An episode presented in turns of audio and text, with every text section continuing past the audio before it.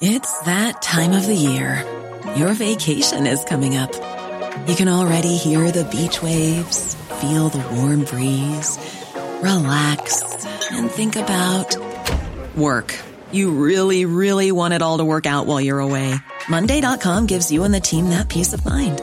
When all work is on one platform and everyone's in sync, things just flow wherever you are. Tap the banner to go to Monday.com. Millions of people have lost weight with personalized plans from Noom, like Evan, who can't stand salads and still lost 50 pounds. Salads, generally, for most people, are the easy button, right? For me, that wasn't an option. I never really was a salad guy. That's just not who I am. But Noom worked for me. Get your personalized plan today at Noom.com.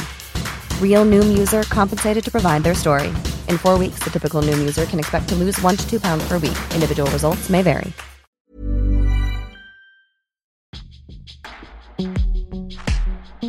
Nelly sitter uppe och väntar på sin pojkvän Micke som åkt iväg med några kompisar. Oron växer när kvällsnyheterna berättar om en allvarlig skottlossning. Snart ska oroskänslorna visa sig vara befogade och Nelly tvingas leva ut sin värsta mardröm. Ni lyssnar på Brottsofferpodden avsnitt 43. Jag lärde mig att leva med sorgen av Joakim Lindén Kastenbäck och producent Ellen Nilses. Det här är Nellys berättelse. Sådär, nu kör vi. Ja. Välkommen Nelly. Tack. Tack. Jag har en känsla av att det här kommer att bli jättebra och det är två personer som gillar att prata tror jag. Så vi kommer säkert att prata i mun med varandra. Ja, kanske. Kanske, Om kanske. inte jag är för nervös. Ja, men det förstår jag att du är. Det, är inte, det är inte så att du gör det här varje dag kanske. Nej, aldrig gjort. Nej, nej men jag är Spännande. jättetacksam att du skrev och jag är jättetacksam att du tagit dig tid att komma hit. Ja. För ämnet vi ska prata om idag, det är ju, det är ju väldigt mycket på tapeten. Ja. Det, det pratas ju väldigt mycket om det och eh, kanske inte från ditt perspektiv då, men Nej. just eh, Politikerna. ja, politikerna går i val med det som nummer ett nästan. Så att det är läskigt. Vi ska ju prata om det som k- kallas det dödliga våldet kanske. Kan man kalla det det? Så det kallas väl tycker lite det. Och eh, du hade oturen att, att få, ja, få vara den som var bredvid. Liksom. Ja. Men eller ska vi göra så att du kanske berättar lite vad som hände, eller vad det Mm. som hände just under den där stunden. Liksom. Ja. Eh, jag och Micke vaknade upp hemma. Vi skulle åka och eh, storhandla den dagen. Det var sol ute, en jättefin dag. Eh, så får han ett samtal på morgonen att hans kompisar då behöver komma och hämta honom för att de ska åka och lösa någon grej. Eh, de hade väl en konflikt med några, men det var inte så mycket mer med det.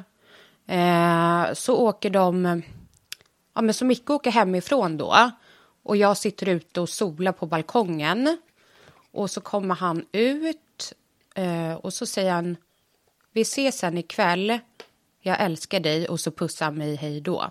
Var sådana här, äh, var det vanligt med sådana grejer att han försvann? Eller att han drog iväg? Ja, Du- du alltså det känner var ganska... det? Jo, jag var jätteorolig för han satte på sig en säkerhetsväst Oj. just den dagen. Och det var ingenting han brukade göra liksom. Eh, så det, alltså jag fick en dålig magkänsla redan då. Och jag var så här, men måste du åka? Vi skulle ju ja, men, ja, så här, storhandla och städa och allt vad det var. Och han var men jag måste ju åka och göra det här och jag har lovat att hjälpa till men det är ingen fara. Eh, ja, men vi ses sen liksom. Och så åkte han och sen går typ hela dagen och eh, ja, men jag hör typ ingenting. Alltså vi brukade ändå prata så här flera gånger per dag. Även om jag var på jobbet eller att han var iväg. Men jag hörde ingenting. Eh, och så ringde jag honom, han svarade inte. Och det började bli kväll och tiden gick och han hörde inte av sig. Jag fick inte tag på honom. Eh, så ser jag att han har ringt till någon från min telefon. Nej, jag hade sett på TV4-nyheterna innan, klockan tio Så här, två personer svårt skadade. Ena fördes med ambulanshelikopter till sjukhus. Så det här var ju liksom jättestort. Alltså det kom ju upp direkt på nyheterna då. Fick du någon skum känsla när du hörde Ja, det där? alltså jag fick världens sämsta magkänsla. Eh, och ringer då ja, men det här numret som Micke hade ringt från min telefon.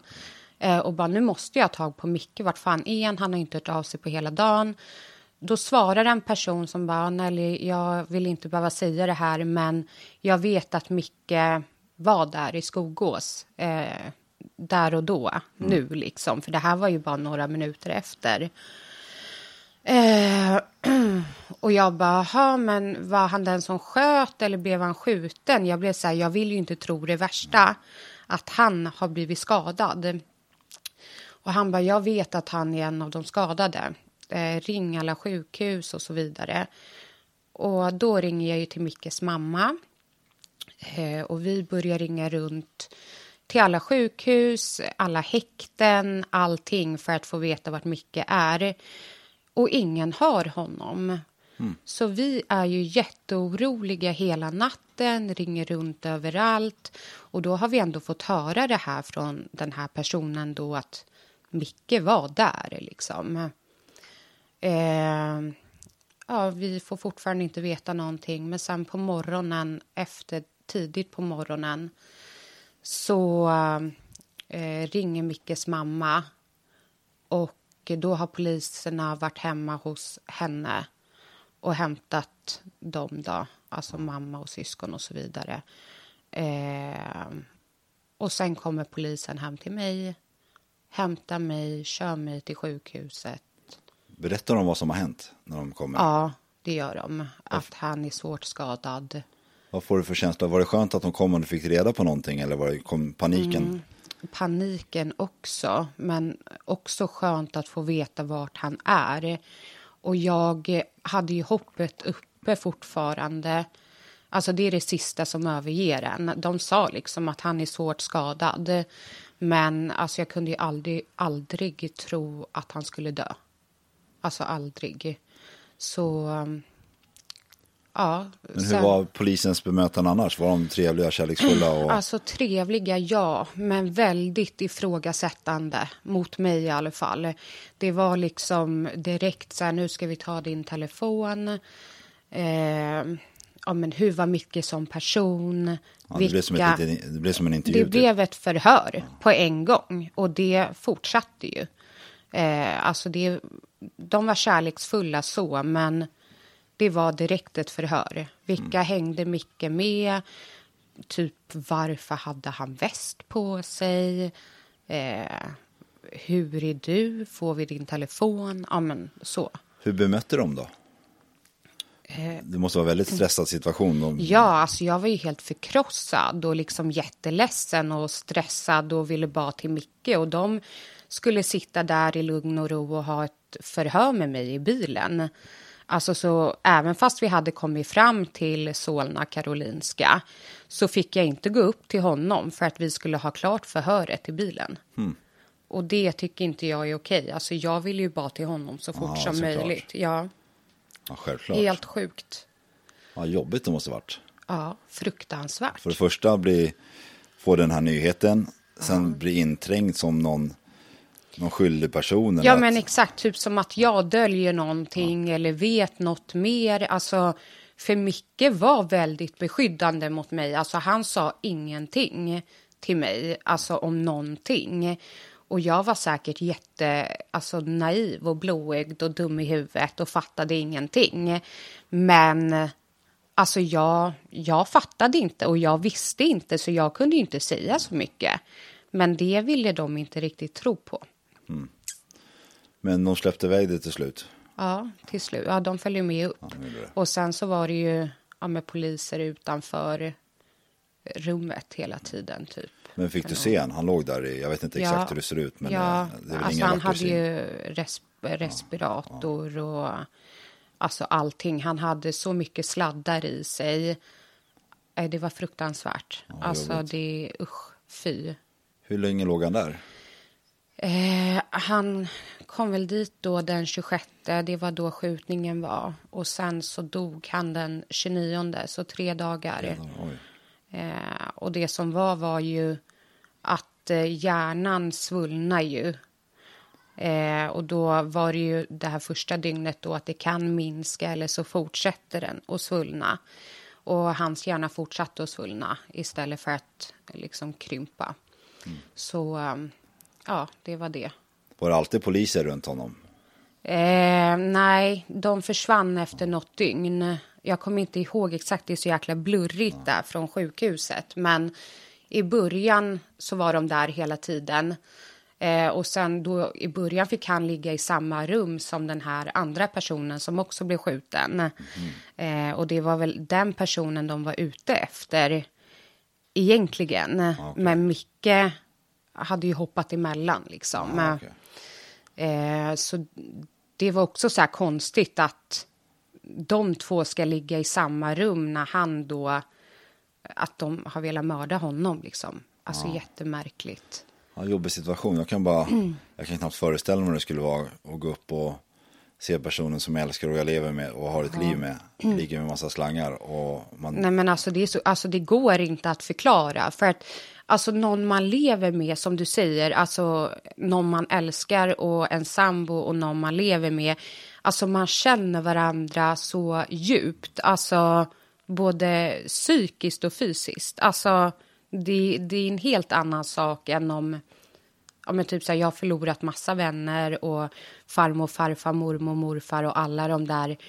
Men det är inte någon man träffar varje, varje dag som man somnar med varje dag, vaknar med varje dag. Alltså man känner varandra på ett annat sätt när man lever ihop. Så det blir, eh, ja. det är väldigt intensivt Ja, kan jag tänka mig. Men jag måste också fråga så här, för du var, jag antar att du var på sjukhuset runt två dagar då? Med honom. Ja, tre, ja, Tre- ja. Och hur gick dina tankar runt det där? Fick du något sådär, Alltså vad jag är det som ha- har hänt? Varför? Hur? Vad kunde jag ha gjort? Fick du några sådana där grejer? Ja, mycket sånt. Ehm, men alltså, mest så kommer jag bara ihåg, alltså jag hade så mycket hopp. Alltså jag vägrade liksom att inse att han skulle gå bort. Men det var ju såklart med mycket, vilka var det, varför? Ehm, och det kom ju så mycket spekulationer och ja, men då Mickes kompisar som ringde och alla hade svar på varför och alla hade svar på vem. Och, så till slut det blev bara en jäkla soppa. Man visste inte vad man skulle tro. Men det vi kom fram till och det som fortfarande stämmer, alltså det är ju att det var inte mycket man var ute efter, men han umgicks med fel personer, han var där med fel person, alltså faktiskt, och han ville skydda den här personen och då hoppa emellan. Ja, Det låter... Ja, jag vet inte vad jag ska säga om det. det är jättebeklagligt. Verkligen. Ja, det är fruktansvärt. Det är Men det om jag faktiskt. får, typ, för dödsbeskedet kom ju sen efter tre dagar. Ja.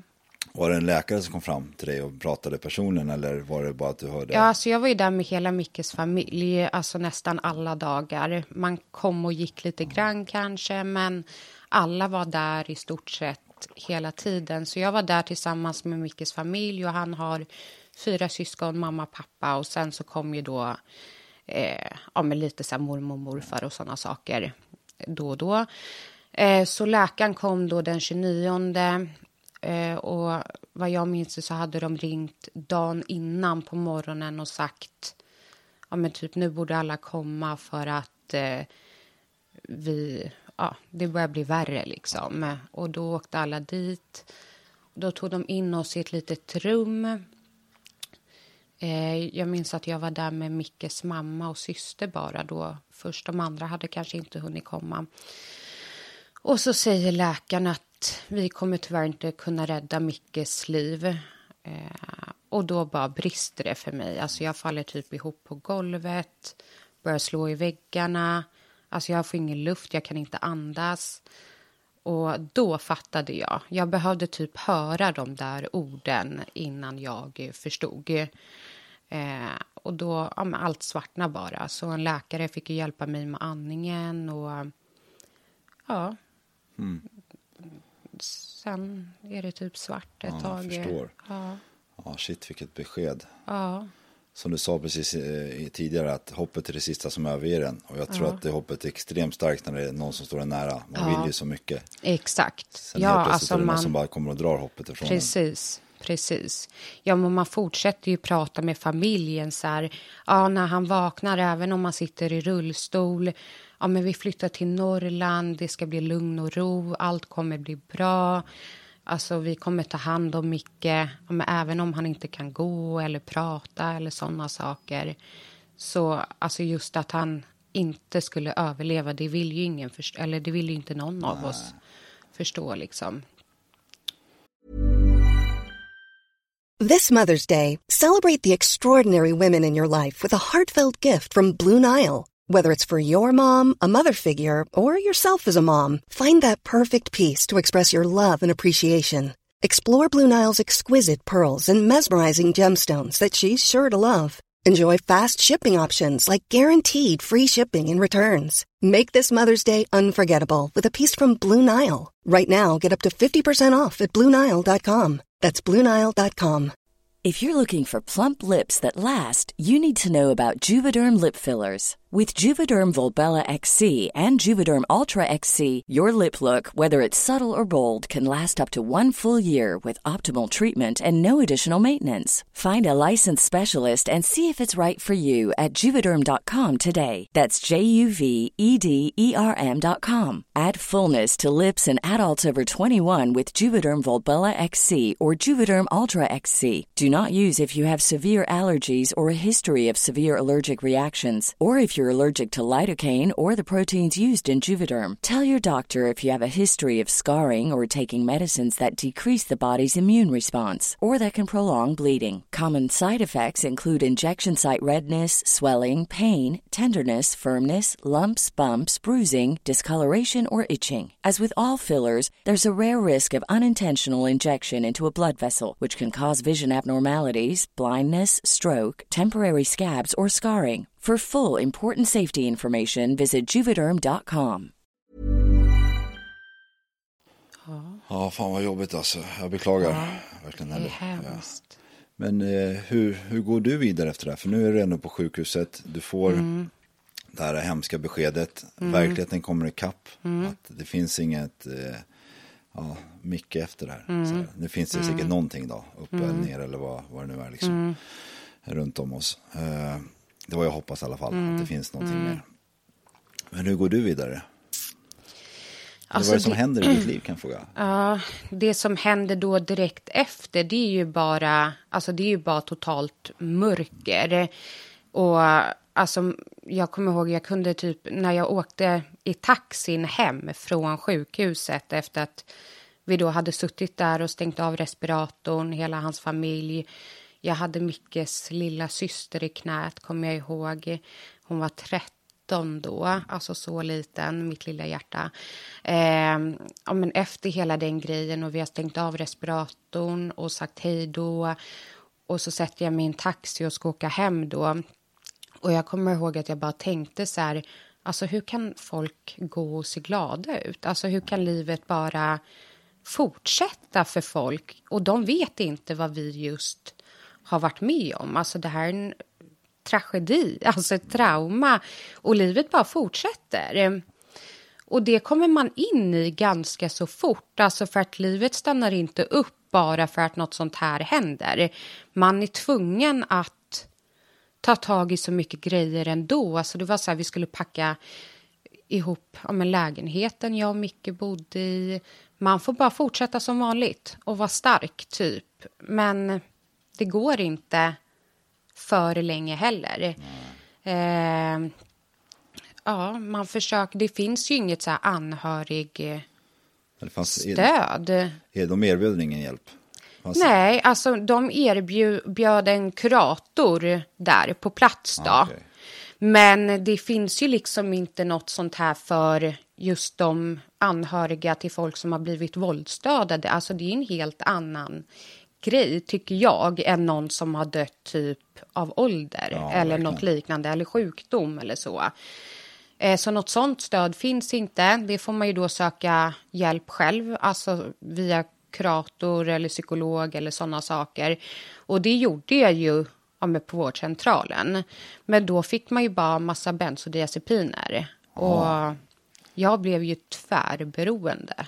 Ja, vad jobbigt. Ja, det, så det var ju nästa grej. Ja, om vi, vi backar, vi ska komma in på Ja. det också, för det är ju intressant på ett skevt Mm. Eh, men du kommer hem från sjukhuset och eh, känner att du behöver ta tag i alla saker, packa Ja. lägenheten och allt, allt sånt där. Mm. Eh, det var en begravning att planera.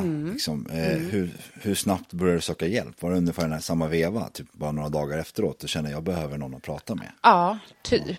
Alltså det var det. För att det, alltså man kunde inte sova, kunde inte äta.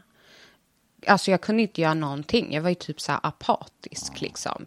Det enda jag kunde göra, konstigt nog, det var typ att umgås, eller um, ja, jag umgicks med, eh, ja, med Mickes syster då, som var i samma ålder som mig. Eh, och dricka alkohol. Det var typ det enda jag ville eller kunde göra. Du ville stänga av det. Ja, stänga av. Och då, ja. Ja, och sen så skrev läkaren ut de där tabletterna. Och så kombinera de ja, två, alkohol och bensodiazepiner. Så det gick ju bara, alltså fort som fan, rätt ut för. Mm. Ja, jag kan tänka mig. Jag har själv varit där. Ja, Så att jag, jag vet mycket väl vad och just pratar om. den kombinationen också, Det är livsfarlig. den är livsfarlig faktiskt. Den är verkligen. Ska, men alltså undrar fall, skrev de, skrev de ut de här tabletterna för sömn eller typ? Ja, alltså det, ja, först ja, för sömn, då var det ju det här Stilnoct och eh, Imovan. Och sen så behövde jag ju även något jag kunde ta på dagen. Och då blev det Stesolid. Eh, och vad heter Ictrovil. Ja. Victor Vil. Så jag fick ju alltså värsta eh, alltså kompotten värsta av allting. Ja, och det var typ det de erbjöd, konstigt nog. Alltså, det var verkligen det. Det var så här, men gud, du har verkligen varit med om ett jättetrauma. Här får du så att du kan sova och leva. Men du fick inte prata med någon? Nej, nej, nej. Ja, Nu höll jag nästan på att börja skratta. Jag tycker Ja, var... nej, men alltså det är så sjukt. Ja, det, det är, Det är så jävla jättesjukt. Jag hoppas de har kommit längre idag. Så jag hoppas det, men det vet jag inte. Tveksamt, fan. Tveksamt, tveksamt. Det, blir, alltså det är typ som så här, när det blir lite för svårt för dem. Då är det lättast att bara skriva ut medicin. Mm. För det här visste inte de hur de skulle hantera. Så här, vad var jag, 20? 20-årig tjej som var typ helt trasig för att hennes pojkvän har blivit skjuten. De bara, nej, alltså det här går inte. Det här kan inte vi prata om. Hur lång tid tog det innan begravningen skedde rum? Ser man så? Ägde, ägde rum? Ja, eh, det var väl typ en, en månad var det. Den här månaden måste varit väldigt intensiv. Ja, alltså jag minns den knappt alltså. Jag förstår det. det Speciellt med de där medicinerna. Ja, och det var, ja, men det var i början, så då var jag ändå ganska så lugn. Alltså jag fattade inte så mycket då. Men sen ju mer eh, tiden gick och jag började ta mer piller och dricka ännu mer, då gick det ut för. Men den här månaden, ja, det var planera begravning, eh, packa lägenhet, eh, vad fan var det mer? Det skulle ju till, eh, det skulle vara rättegång, det var förhör, det var massa så här, ja men prata, det var minnesstunder som Mickes kompisar fixade. Ja men du vet, och man ville ju vara med på allt, allt, allt. Man fick inte missa en sekund eller en grej liksom. Egentligen nu i efterhand så önskar jag att jag bara hade tagit det lite mer lugnt och försökt landa i det och inte bara sprungit fram. Undrar ifall det är så för att man känner att är det så att man inte är där så, Missar man. så eller så sviker man typ. Ja, typ. Men du, du nämnde det här med polisen, så här, fortsatte de hålla förhör med dig? Ja, det gjorde de. De höll flera förhör. De kom även till sjukhuset. Eh, ja, Varför men- tror att du var så intressant i det här? För du är en, eh, en, en, ens flickvän som inte ens var på plats eller någonting. Var det att de försökte binda hand till något mer eller? Ja, jag vet inte fan. Alltså det var väl, de tänkte väl såklart att jag kanske har träffat då hans vänner mer än vad ja, men Mickes familj hade gjort och kanske, fan vet jag, de ville väl att jag skulle prata. Ja, jag typ. förstår. Ja. För det var inte så kul att snacka med dem antar jag. Nej, det var det faktiskt inte. För att det var inte så att jag kände direkt något stöd från dem eller någon förståelse, utan det var mer... De vill ha ut någonting Ja, exakt. Så. Ja, det blir ju skevt. Ja, liksom. det blir riktigt skevt i den situationen. För det var ju en, ett trauma och en livssorg för mig. Ja, jag förstår det Nelly.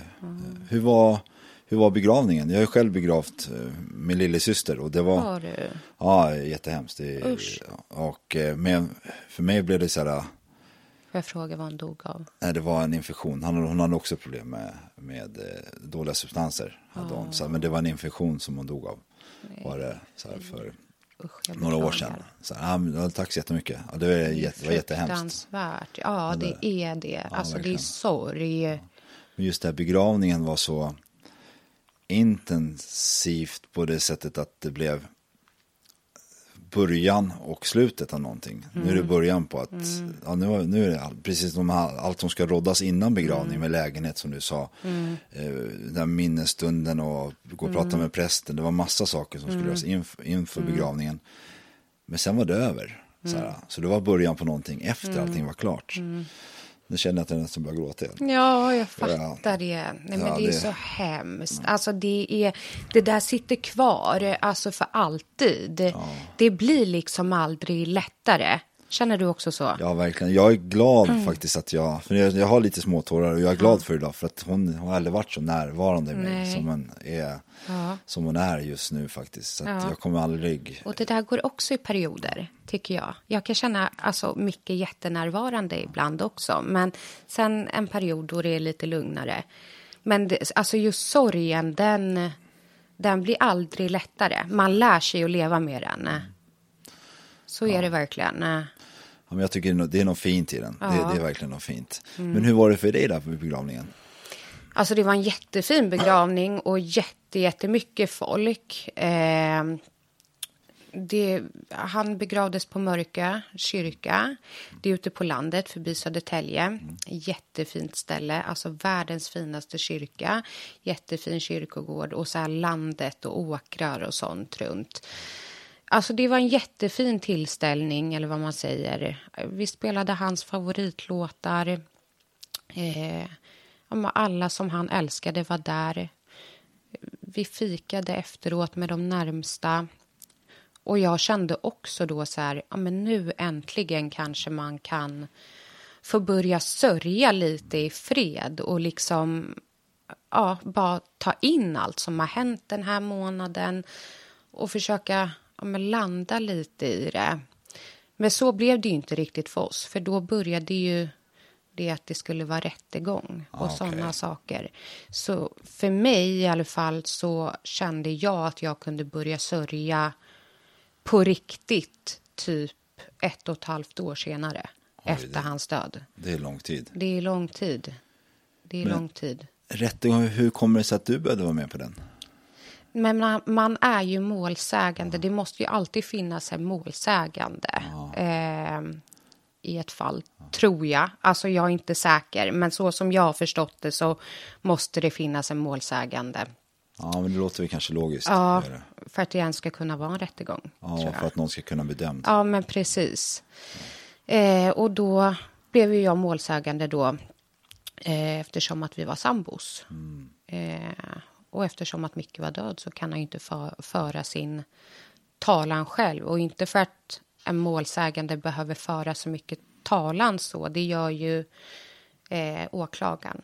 Men Men hittade de eh, de skyldiga, ska säga, hade de några som De hittade dem ganska direkt, alltså någon dag senare tror jag. De var fyra stycken. Eh, en dömdes på livstid och de andra tre till lite kortare straff för typ ja, med medhjälp och vapeninnehav och sådana saker. Var det en lång rättegång? Det var en jättelång rättegång. Alltså typ två veckor tror jag, så här varje dag. Eh, sen var det väl en paus och sen eh, hovrätt då. Och den var lika lång den. Oj så då. det var jätteintensivt. Alltså det var liksom ja, men typ åtta till fem dag. Måndag till fredag. Det kanske var längre till och med, tre veckor. Jag Mm. minns inte exakt, men väldigt, väldigt länge. Väldigt mycket tid i Hur långt, rättssalen. hur långt efter eh, händelsen började rättegången? Den första tingsrätten? Ehm, jag tror den började i november. Ja, Okej, så det är ett halvår Eller december, ja, november eller december. Ja. samma år. Ja. Och jag antar att du hade ett jobb. ja, det hade jag. Men jag var ju sjukskriven, det var jag. Men ja, jag var ju anställd, heltidsanställd. Det är inte Men- alltid så lätt att få ihop det där heller. Nej, det är så sjukt det där också att det måste finnas en målsägande och målsägande måste ju vara med i rättssalen. Men ja, det, Men hur var det att, för jag antar att du hade målsägande beträde det hade och jag. förberedde hon eller han hur det skulle vara? Ja, det gjorde han. Alltså de förklarade ju innan hur allting skulle gå till. Men hur var det Mm. när du sitter där inne i rättssalen? Helt plötsligt så öppnas dörren upp och, Mm. och du ser dem live liksom. Det här är personer som du visste troligtvis, eller Alltså du jag kände hade säkert. så mycket ilska. Jag var bara arg. Alltså hela rättegången och hovrätten. Alltså jag har aldrig haft så mycket ilska i min kropp någonsin. Och jag blev till slut så här, säkert en kombination också av bensodiazepinerna och mycket alkohol. Men jag, jag kom till det här modet att alltså jag hade ingenting att förlora. Eh, Men eh, hur var de gentemot eh, dig i rättssalen? Sa de någonting? Eller Nej, de bara satt och de-? Ja, alltså de sa faktiskt inte så mycket till mig. De eh, hade väl kompisar där ibland som skulle supporta dem och det var lite så här, eh, men man kollar på varandra och de eh, sa någon dum kommentar och men lite så här munhugg, men inte några större grejer. Det tycker jag inte. Var du rädd någonting? För det här är en av personer som har eh, skjutit ihjäl Ja. en person. Nej, jag var inte ett dugg rädd. Alltså jag var, jag var bara så här, kom då. Ja, Helt det var sjukt, en va? väldigt stor obalans där. Ja, det var jag. Och jag kände, ja, men som sagt, att jag kände verkligen att jag inte hade något att förlora. Jag ville ju typ dö då. förstår. Så det var så här, dödar ni mig, då har ni nästan gjort mig en tjänst. Alltså, Mm. ja, Ja, de tog mycket från dig, de där gärningsmännen. ja, det gjorde de. Alltså typ allt. Ja. Ja, fan, jobbigt alltså. Ja. Som jag sa tidigare, jag, skulle inte ens, jag kan inte ens föreställa mig hur, hur det skulle vara. Liksom. Nej. Eh, verkligen inte. Men eh, sitter i tingsrätten två veckor. Eh, jag antar att du har massa tankar vad de får för straff. Kommer de bli sky- dömda? Inte? Så här kommer de gå fria. Sen tar det någon vecka innan domen kommer. Jag vet inte om din målsägande be- beträdare ringde och berättade domen för dig eller om du fick Ja, han papperna. exakt. Ja, Eh, både vad, och. Både ja. och. Vad fick du för eh, känsla när domen kom? Alltså det var ju bra. Alltså jag var jättenöjd med att då han fick livstid. Men det skulle bli en hovrättsdom också. Mm. Hur lång tid tog det innan den? Ehm, det var på våren. April kanske, mars. Då hade jag nog blivit ännu mer beroende dock av bensodiazepiner. Och jag var helt flamsig. Alltså jag minns faktiskt inte så mycket, mycket av det. Var det läkarna som fortsatte kasta dem där på dig? Eller hade du Ah, börjat nej, gå så då långt? började jag, alltså dels så fick jag, alltså av läkarna, men sen så köpte jag också det mesta själv. eh, Var det någon i din närhet som reagerade på ditt intag av de där tabletterna? ja, gud ja, allihopa. Och jag blev så arg på alla för att jag tyckte ju själv att jag var så normal. Och att, ja men typ som att det här får ju jag av läkarna.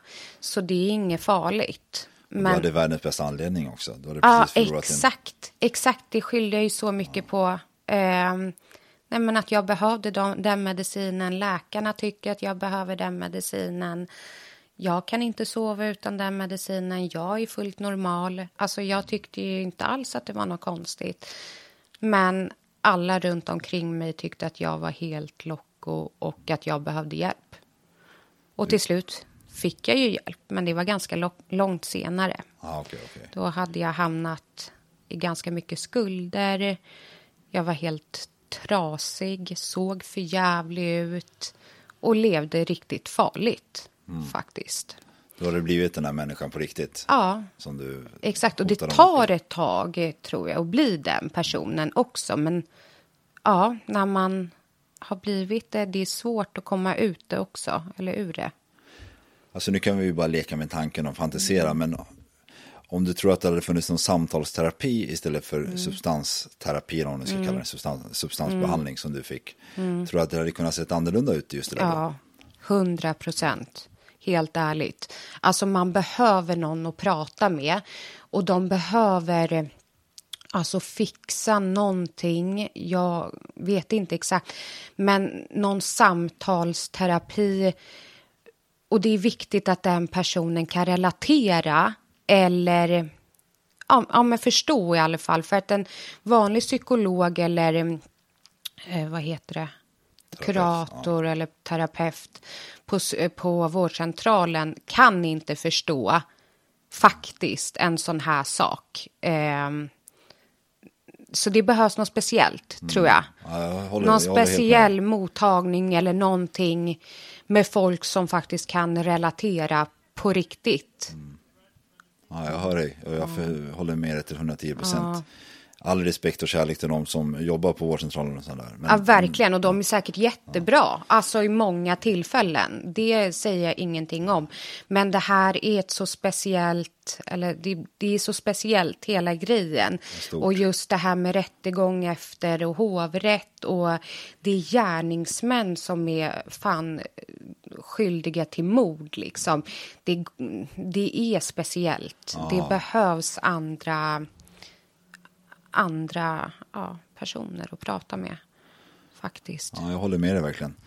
Eh, men om vi hoppar tillbaka till eh, hovrätten och slutet av hovrätten. Den är klar, domen ja. kommer och, de bara fastställer samma dom eller? Ja. Ja.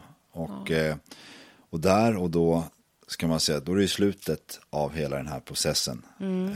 och, men du är kvar i mm. ditt, ditt ja, pillerberoende. Mm. mm. Hur går det vidare där? Fortsätter knarka. Fortsätter, knarka. Fortsätter dricka mycket alkohol. Vara ute hela tiden.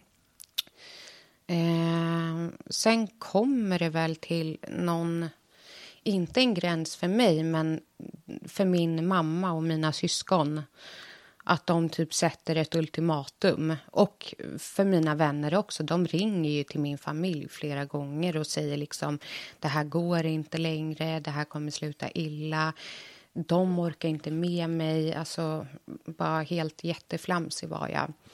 Eh, så de ja, ringer ju runt och kollar var kan man få hjälp. Min dotter behöver hjälp. De har kontakt med KRIS. Och sen, men sen slutar det ändå med att de tar med mig till Maria beroendemottagning. Och där får jag träffa världens bästa sjuksyster som heter Sofia. Mm. Alltså jag älskar henne än idag. Jag är evigt tacksam för henne. Eh, och hon hjälper mig att bli av med mitt beroende. Det tar lång tid, men det börjar med eh, eh, ja, men någon sån avgiftningsgrej. Sen nedtrappning och ja, men träffa henne. Och där får jag ju ha såna här samtal som man egentligen skulle behövt från början. Och hon är inte utbildad liksom psykolog eller kurator eller terapeut eller något sånt där. Hon är en sjuksyrra. Men hon är rätt person på rätt plats, verkligen. Och där får jag ju då ha de här samtalen eh, och prata om allting med Micke, om allting som har varit, om allt jag har varit med om. Och ja, hon är min hjälp och min räddare i nöden. Faktiskt. Ja, vad skönt. Ja, jag vet också att det tar lång tid att trappa ur ja, de där jävla skittabletterna. Ja, det gör det. Och det, någon gång tog man ju återfall och så får man börja om och trappa ner igen. Och, men med henne så gick det faktiskt. Och, ja, jag var där tre gånger i veckan, tror jag, på Maria. Så det blir väldigt intensiv kontakt också, men det tror jag är jättenyttigt. Mm. Ja, ja, det är tråkigt. Alltså, det finns ju jättemycket som skulle kunna göras annorlunda och göras bättre framförallt ja. i rätt, rättssystemet. Ja, liksom. och alla liksom politiker som pratar om det här. Det känns ju som att det är det enda de pratar om nu. Men det har de ju gjort så länge, känns det som. Och ändå blir det ju aldrig någon skillnad. Alla anhöriga får ju söka den här hjälpen själva efteråt. Ja. Eh, jag har pratat lite med folk som är liksom insatta i det här med våldsdödade. Och än idag finns det ju ingenting, alltså ingen på sjukhus som hjälper liksom de här anhöriga till våldsdödade. Och tänk hur vanligt det är idag med våldsdödade. Ja. Det är ju liksom, man hör ju varje dag om skjutningar, alltså bara i Stockholm. Och ändå har de inte då gjort någonting på sjukhusen, typ så här att det finns något speciellt stöd för dem. Nej, det är jättekonstigt och jag tror också att den chocken personen i fråga som du var i. Ja. Här, man behöver ju nå dem, alltså verkligen nå dem. Ja. Inte bara komma, ja, du, du kan komma och prata här Exakt. om du vill. För att det man, man är nog inte hörbar. Liksom. Nej, man förstår inte. Och sen, alltså det borde finnas någon som typ kan hjälpa en med flera delar när man har varit med om ett sånt här trauma. Alltså, typ här kan du söka hjälp. Eh, det här behöver du veta om, en, om rättegång och vad du har rätt till för ersättning eller om du ja, nu ska få skadestånd då ska du söka hos Brottsofferfonden sen. Någon som kan hjälpa en med alla de här delarna. Men det finns ju liksom inte idag. Nej. Nej, det är ju jätteskumt. Eller det kanske finns något litet, litet som man inte vet om i sådana Ja, fall. alltså det finns ju en organisation som heter RAV. Okej. Eh, ja, och... Vänta, RAV. Ja, RAV. Jag tror jag känner igen namnet när du säger det. Ja, Riksorganisationen för, eh, för anhöriga till våldsdödade. Ja, okej. Eh, men det, det är också dit får man ju söka sig själv också. Typ googla fram att de finns. Alltså de är inte så stora.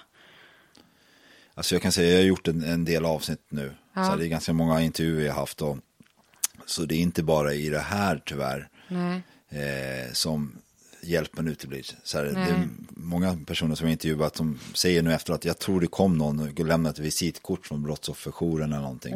Ni kan höra av er till dem om ni vill liksom. Men jag tror man verkligen måste förstå att en person som blivit utsatt, utsatt för någonting, oavsett vad det är, kanske inte agerar rationellt eller normalt. Så. Exakt. så det, det Exakt. behövs göras en förändring liksom. Precis. Precis. Och ja, alltså från start att de säger så här, du ska kontakta det här, inte om du vill, utan jag tror att man ska vara tydlig och nästan lite hård med att du borde verkligen höra av dig hit. Det är viktigt, typ. Och så får man hjälp den vägen. Men när du sitter idag och slår på Facebook eller tv eller radio eller vad nu, så som du berättar, man hör hela tiden om folk som blir dödade. Hur reagerar du på det idag? Alltså det är ju så vanligt idag, men jag alltså fortfarande får så jäkla ont i hjärtat av de anhöriga till de här då som blir dödade eller mördade. Och det är knivhugg och det är pistoler och det är eh, slagna till döds och jag vet inte vad. Alltså det är så jäkla mycket. Och det är ju hela tiden varje dag. Och jag bara känner varje gång så här, inte stackars den personen som dog, för att den är förhoppningsvis på en bättre plats. Men stackars de här mammorna, stackars papporna, syskon, släkt, ja, men flickvänner, vänner och allt vad det är. Det är bara dem det är synd om. Och deras liv, alltså den sekunden den här personen dör och särskilt av att ha blivit våldsutsatt, de här anhöriga, deras för liv förändras för evigt. Hur går ditt liv vidare efter du har varit hos Sofia? På, på världens bästa. Världens bästa Sofia. Och eh, du får eh, efter något återfall och sånt eh, lite rätsida på det här substansberoendet. Hur, hur spinner du vidare i livet? Eh, då började jag ju jobba igen. Och jag jobbade ju då som eh, kassachef på Röda Korset, Mötesplats Kupan här borta. Ja, Okej. Ja. ehm, så jag började jobba igen. Eh, flyttade hem till mamma. Igen, det var ju inte heller så kul. Från att ha bott, och det var första gången jag bodde själv med min pojkvän. Vi hade lägenhet då i Rågsved. Sen ja, så flyttade jag hem till mamma igen. Eh, ja, men livet rullade vidare. Eh, hängde med vänner. Men börjar få lite hopp igen. Så här, det börjar Ja, kännas. men typ. Alltså, det rullar ju på. Alltså, livet stannar ju inte, som jag sa i början. Alltså, man tror typ så här, nej men nu, det, livet kan inte gå vidare, men det gör ju det. Det gör det. Så man glömmer ju aldrig, men man lär sig att leva med det, Ja. som sagt. eh, under den här eh, under alltså hela det här förloppet har du haft mycket så skam och skuld kring allt? Alltså faktiskt inte så mycket med alltså Micke, alltså när han levde. Nej, det har jag faktiskt inte om jag ska vara ärlig. Jag kunde inte ha gjort så mycket annorlunda. Alltså, jag kunde ju aldrig tro att det här skulle hända. Alltså det var det sista jag visste. Micke kanske inte var världens änglabarn, det var han inte, det vet jag. Men aldrig att jag kunde tänka mig att något sånt här skulle hända. Alltså för en sån person var han inte. Så jag har ingen... Jag hade förut eh, skuld och skam. Typ varför lät jag han gå hemifrån den dagen? Eh, varför eh, stoppade jag honom inte där och då? Att jag inte förstod mer kanske vad han höll på med. Med sådana saker. Ja, eh, men idag, nej. Alltså, för jag fattade verkligen inte. Ja, Jag förstår. Eh, En annan fråga som jag brukar ha med här, det är om det är en annan person som är i ungefär samma situation så här, vad, och det precis har hänt, hur, vad skulle du vilja säga till den personen? Att livet kommer bli bra igen. Och det går vidare. Livet går vidare. Det känns jättetufft i början.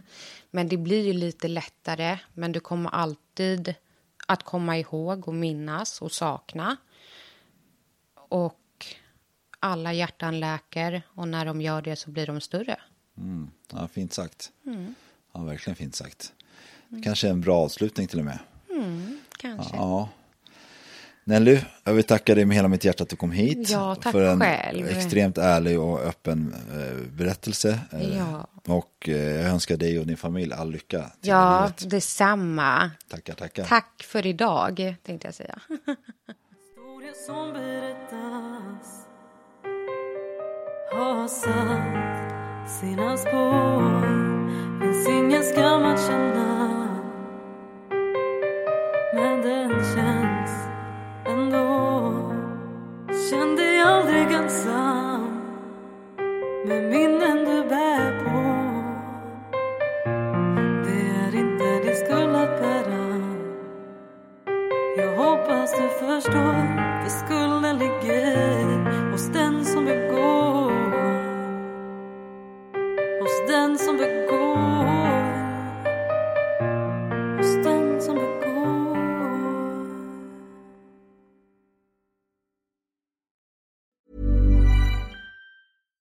Hey, it's Paige DeSorbo from Giggly Squad. High quality fashion without the price tag. Say hello to Quince. I'm snagging high-end essentials like cozy cashmere sweaters, sleek leather jackets, fine jewelry, and so much more. With Quince being 50 to 80% less than similar brands. And they partner with factories that prioritize safe, ethical, and responsible manufacturing. I love that. Luxury quality within reach. Go to quince.com slash style to get free shipping and 365 day returns on your next order. Quince.com slash style. Imagine the softest sheets you've ever felt. Now imagine them getting even softer over time. That's what you'll feel with Bowl and Branch's organic cotton sheets. In a recent customer survey, 96% replied that Bowl and Branch sheets get softer with every wash. Start getting your best night's sleep in these sheets that get softer and softer for years to come. Try their sheets with a 30-night guarantee. Plus, get 15% off your first order at bowlandbranch.com. Code BUTTERY. Exclusions apply. See site for details.